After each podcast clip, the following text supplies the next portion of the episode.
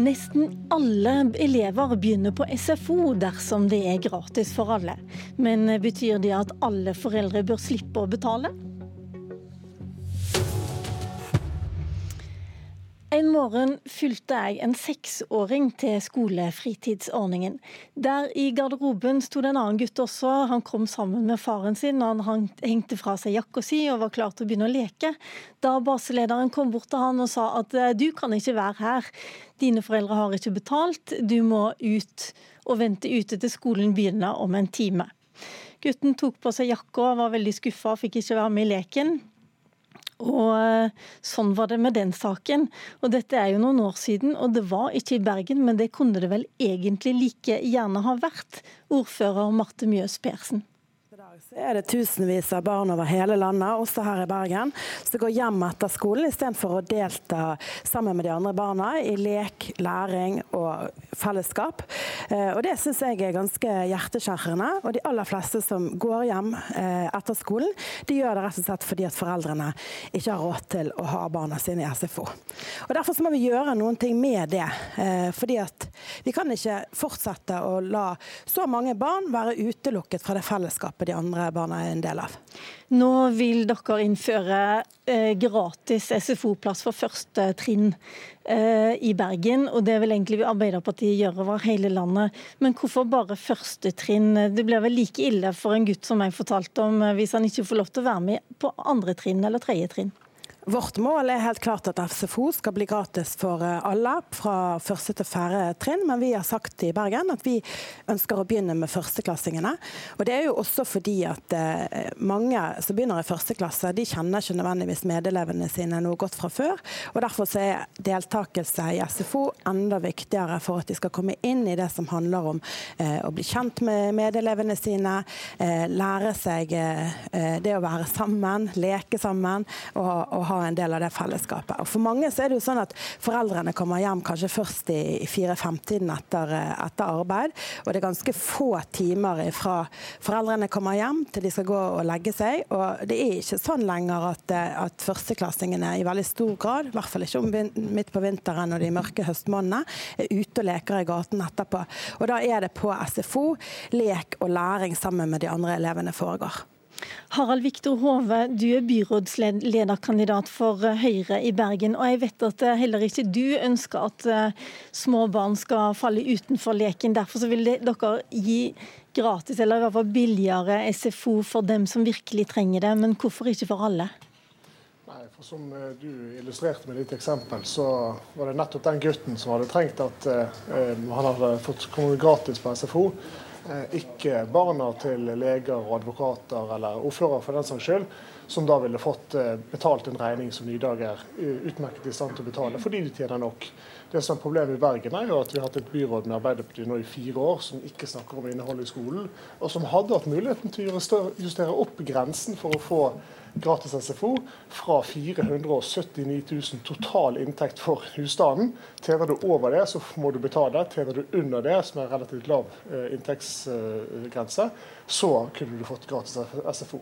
Begynn med de som står utenfor, begynn med de som programlederen nevnte, istedenfor å ta regningen for folk som kan betale selv. Det mener jeg er feil bruk av penger når utfordringen i Bergensskolen er såpass mange etter fire år med Arbeiderpartiet. Men uh, Harald Viktor Hove, betyr det at dere i Høyre i Bergen kunne gjort som uh, Høyre i Oslo, og si at hvis man tjener over uh, en million til sammen i en familie, så, eller under en million til sammen i en familie, da kan man få billigere SFO. Et mye mer målrettet og treffsikkert eh, tiltak, fordi at det adresserer nettopp den gutten som du pekte på, som står utenfor. Eh, sørger for at de som har en reell betalingsutfordring, får hjelp, eh, enten til å dekke deler av regningen eller hele regningen, istedenfor å prioritere det som vil være 50 millioner i Bergen per trinn til å betale regningen til advokater og, og leger som kan betale det samme. Hvorfor skal dere betale regningen til leger og advokater, eh, Marte Mjøs Persen? Ja, dette viser jo at uh, Høyre nok en gang viser at de ikke har innsikt i vanlige folks uh, økonomi. I dag så er jo SFO gratis for de som har en inntekt under 480 000, og det er en moderasjonsordning også for flere som har over. Men likevel så er det altså nesten 40 på landsplan, 30% i Bergensskolen, som ikke er en del av SFO. Og, og det er jo folk som har helt vanlige inntekter, som sliter med å betale SFO-regningen sin, og som prioriterer annerledes. Og det er jo eh, det som jeg tenker er grådig viktig med dette, her, er jo at dette er en fellesarena. Det er eh, en del av skolehverdagen blitt.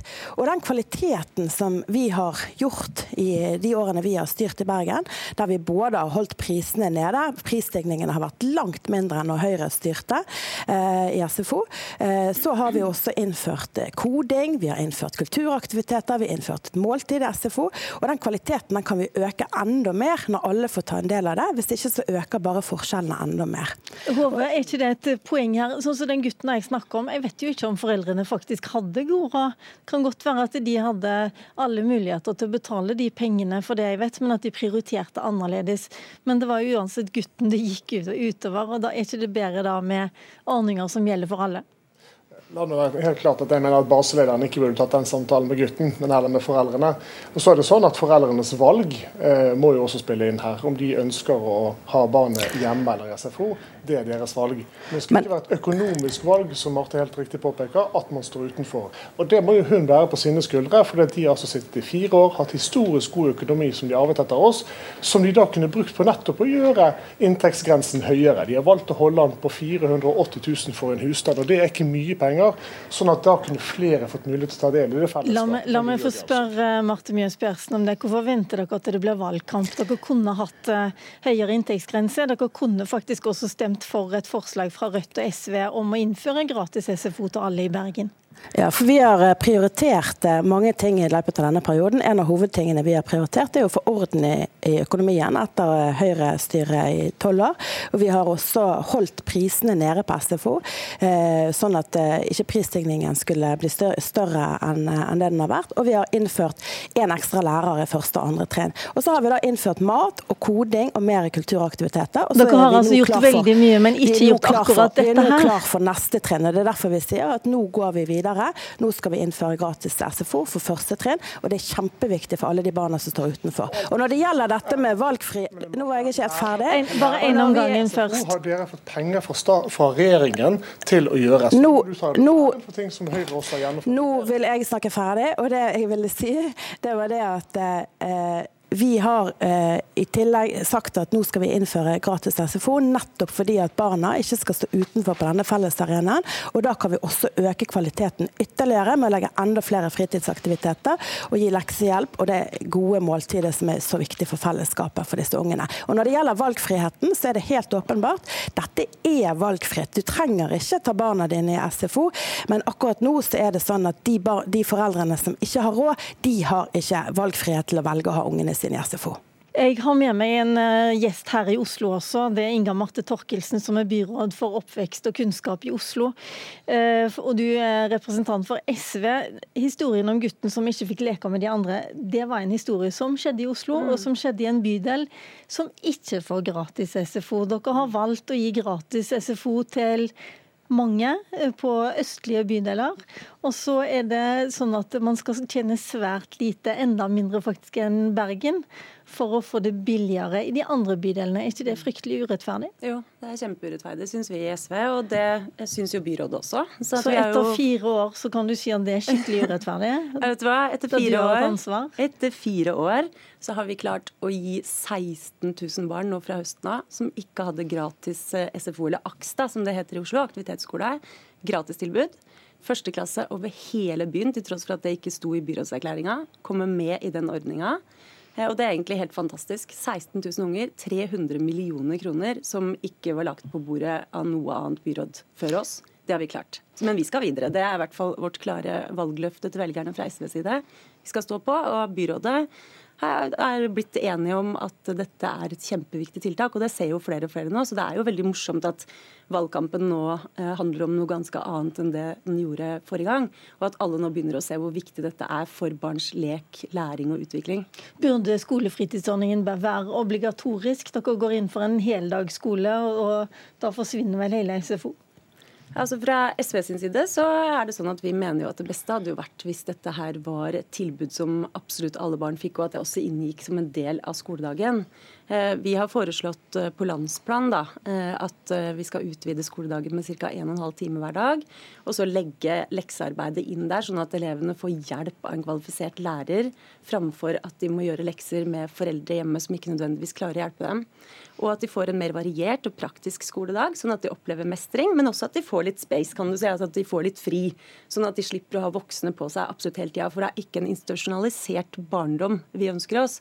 Men det er klart at det vi ser i Oslo, det er jo at eh, eh, jo mer vi satser på kvalitet i aktivitetsskolen, som jo er kjempeviktig, den begynner å bli virkelig virkelig bra nå, eh, jo større dilemma blir det jo at ikke dette tilbudet er for alle.